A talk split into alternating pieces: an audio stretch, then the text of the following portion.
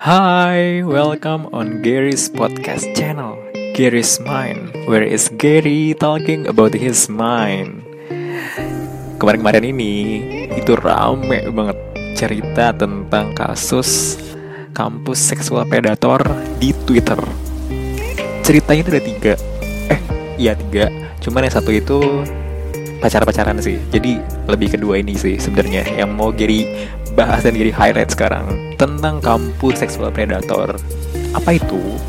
Nah itu adalah predator seksual yang berada di sekitar kampus atau sekolahan lah bahasanya. Nah, dari mana mereka datang? dari banyak cerita yang Gary baca, kasus tentang kampus seksual predator rata-rata itu datang dari dua hal. Yang pertama, kenalan online dan yang kedua itu dari circle pertemanan sendiri. Dan korbannya itu tidak cuma cewek, tapi juga ada yang cowok.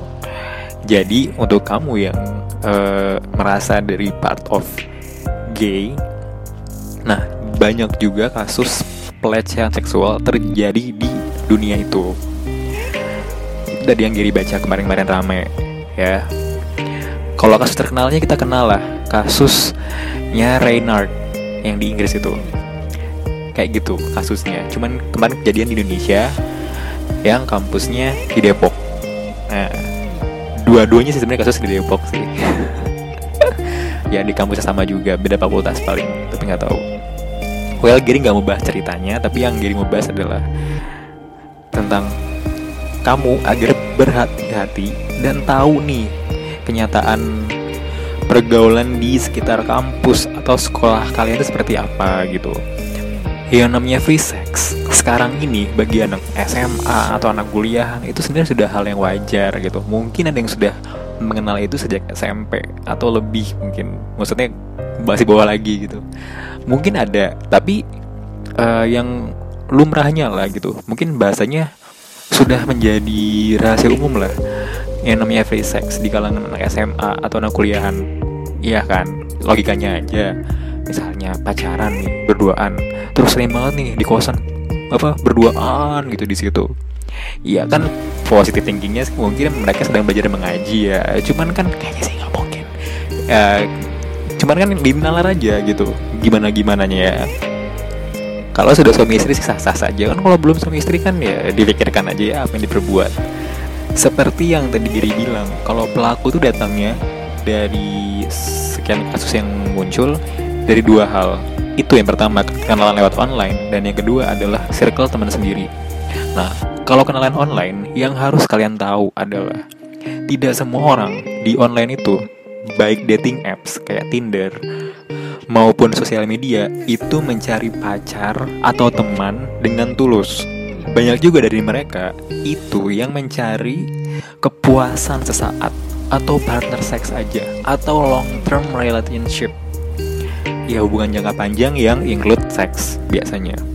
Atau juga cuddling, teman cuddling itu juga banyak yang mencari itu.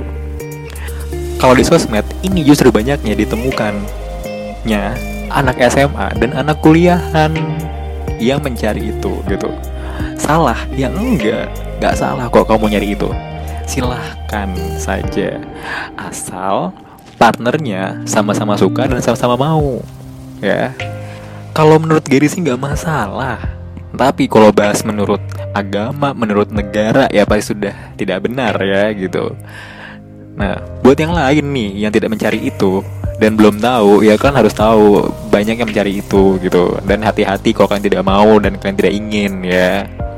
Terus gimana dong Gir biar menjadi biar menjadi biar tidak menjadi korban. Ya kalau biar tidak menjadi korban sih ya jaga diri aja gitu sebenarnya. Tapi ya kalau memang misalnya kalian mau lebih berhati-hati tips yang bisa Giri kasih adalah yang pertama itu jangan pernah kamu ketemuan di tempat yang private kayak di kosan, hotel atau rumah ya. Karena tempat-tempat itu sepi nggak ada orang lain selain dia gitu. Ya itu sangat berpeluang sekali untuk melakukan apa pun yang dia inginkan. Tidak cuma seks mungkin kamu juga bisa dirampok bisa dibunuh ya. Itu karena kan kamu belum pernah tahu sama sekali. Ya jadi itu untuk lebih berhati hatinya. Terus yang kedua kalau misalnya kamu kenalan mau ketemu baiknya kabarin temen kamu. Temen dekat kamu. Kabarin dia kalau kamu mau ketemuan sama si X di sini gitu misalnya. Nanti uh, kabarin juga ke dia kasih tahu kalau uh, nanti suruh telepon bilang uh, kamu teriak atau marah-marah suruh pulang ya gitu. Biarnya kesannya dimarahin. Nanti kamu pura-pura jadi ibuku pura-pura jadi uh, ibu kos pura-pura jadi temenku yang kos kuncinya ketinggalan gitu misalnya. Suruh-suruh pulang lah gitu. Jadi biar alibi kamu tuh uh, untuk pulang tuh ada gitu. Kenapa? Karena dari banyak kasus juga gitu kejadiannya. Memang sama-sama pengen seks tapi pas sudah ketemu itu ternyata nggak cocok gitu nggak sesuai.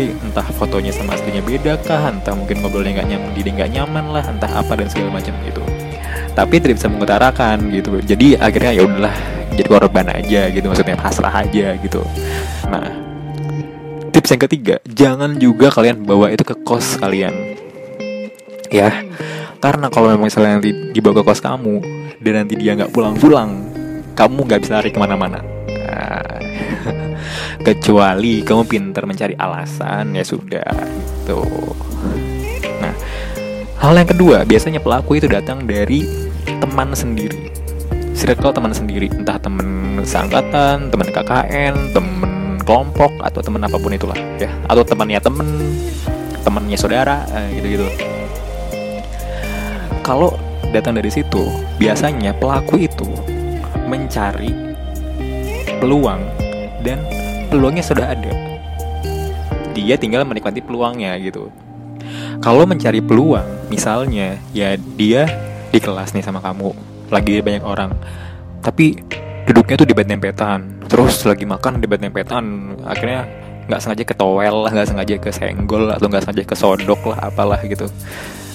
Nah, itu dia mencari kesempatan, ya atau modus-modus, ayo dong kita ketemu yuk jalan yuk gitu-gitu ketemu. Kita nonton yuk berdua aja gitu misalnya. Nah itu dia mencari kesempatan. Tapi ada momen di mana kesempatan itu ada dan kalian itu di, dihadapkan di kesempatan itu gitu. Jadi pelaku sudah sangat mudah untuk menikmati kesempatan itu gitu. Misalnya kasus yang PTN di Jogja itu yang pas KKN kemarin jadi kan di pondokan itu berduaan. Akhirnya mungkin pelaku hilaf dan pelakunya mungkin sudah sudah mengincar nggak tahu juga ya. Terjadilah gitu kasus itu. Gara-gara memang situasinya mendukung. Nah kita baiknya kalau kamu nggak pengen ya me, apa ya merubah kesempatan itu gitu mengaburkan kesempatan itu gitu. Misalnya ya misalnya dia ngajak jalan berdua ya kamu uh, mau mauin aja gitu iya iyain aja tapi kamu ajak teman yang lain gitu misalnya. Ayo jalan deh nonton yuk misalnya berdua. Ayo ayo tapi jangan berdua ajak si ini gitu misalnya kayak gitu. Terus kalau misalnya dia di kelas atau di mana gitu mepet-mepetin kamu gitu. Nempel-nempelin kamu gitu. Ya kamu pindah aja geser gitu. Atau kamu kalau udah ekstrim sih ya baiknya sih langsung marahin aja gitu. Nah kalau yang kesempatannya ini ada gitu susah sih. Emang baiknya kabur dari situasi itu gitu. Cuman kan ya kita nggak pernah tahu apa yang terjadi satu menit dua menit kemudian kan bisa jadi mungkin sebenarnya si korban tuh sebenarnya waktu yang di KKN itu merasa mungkin safe safe aja kali ya aman aman aja karena dia dengan teman satu kelompoknya gitu. Tidak akan kejadian apa apa gitu. Tapi ternyata kejadian kan gitu. Mungkin kan kita nggak tahu juga situasi aslinya. Cuma kan yang dari bacaan kan kayak gitu. Nah sebenarnya untuk mengurangi itu semua gitu. Atau me, apa ya memberikan ganjaran kepada pelaku. Kuncinya sebenarnya satu kok. Ya walaupun nggak gampang sih jadi tahu. Kalian sebagai korban itu mau speak up. Mungkin berat ya dan Giri juga nggak tahu sebenarnya kayak gimana rasanya gitu. Jadi mungkin nggak tahu. Tapi Giri ngerti situasinya. Mungkin berat bagi kamu buat speak up karena malu karena takut diomongin dan lain-lainnya gitu. Tapi kalau kamu nggak ngomong kalau kamu nggak speak up pelaku tuh keenakan gitu. Dan pelaku itu bisa berbuat hal yang sama ke orang lain gitu. Dan mungkin juga berbuat hal yang sama ke kamu lagi. Karena kamu diem-diem aja pelaku ngerasa oh dia diem-diem ini berarti dia menikmati dong gitu. Kayak gitu gitu. Nah ya terus gimana? Ya dengan kamu speak up korban yang lain juga nanti akan ikut speak up gitu. Itu tuh apa ya terjadi di banyak cerita-cerita kasus pelecehan seksual sih gitu. Rata-rata tuh kayak gitu gitu. Orang pertama ngaku nanti muncul orang kedua nanti muncul orang ketiga gitu. Korban yang ngaku. Jadi mendukung orang lain juga buat speak up. Dan pelakunya juga akan ketahuan oh si ini yang mengakuin nah kita sebagai misalnya orang di luar itu gitu. Oh tahu oh ini kan yang kemarin uh, apa ngelakuin pelecehan gitu. Kita bisa memberikan uh, hukuman sosial ke dia gitu. Buat dia jadi malu buat dia jadi minder nggak nyaman buat ngapa-ngapain kan kalau orang malu. Biasanya kan kayak gitu. At least tuh ada ganjaran dulu lah buat dia gitu. Dan dia tidak akan berani untuk melakukan hal-hal serupa itu gitu. Karena dia sudah dicap oleh orang apa ya predator seksual kayak gitu. Nah ya mungkin berat tapi ya sebaiknya sih speak up. Nah ekstrimnya lagi sebenarnya yang bisa kamu lakukan ketika itu kejadian adalah pas lagi kejadiannya ya. Kamu ngomong gitu. Kamu marahin kayak kamu apa ya menunjukkan lah gestur tubuh kamu kalau kamu tuh nggak mau. Kalau kamu tuh marah kalau kamu tuh nggak seneng gitu loh digituin. Nah dengan kamu menunjukkan itu itu sudah apa ya sudah bisa membuat ini sih biasanya uh, pelaku tuh langsung apa ya kayak nong gitu oh dia lawan oh dia kayak gini takut sendiri gitu gitu kayak gitu jadi uh, banyak hal yang harus kalian tahu juga sebenarnya di sosial media itu juga tidak semuanya murni seperti itu. Jadi harus berhati-hati juga ya. Dan kalau apa-apa, mending cerita aja, speak up ke teman dekat sih. Kalau misalnya memang paling uh, aman gitu. Dan kalau misalnya nanti di share sosial media itu malah bisa lebih luas lagi dampak dan efeknya gitu. Tahu nama, tahu kampus dan tahu segala macamnya gitu. Dan pelaku akan mendapatkan ganjaran juga pasti selain dari hukuman sosial itu gitu. Well, semoga podcast kali ini bermanfaat ya. Um, terima kasih sudah mendengarkan. Jangan lupa di like, di share juga ke teman-temannya ya. Yang mau kirim cerita lagi atau apa, silahkan DM Instagram Gary aja ya. Instagramnya ada di description Spotify ini. Oke, sekali lagi terima kasih sudah mendengarkan. Sampai jumpa di episode berikutnya.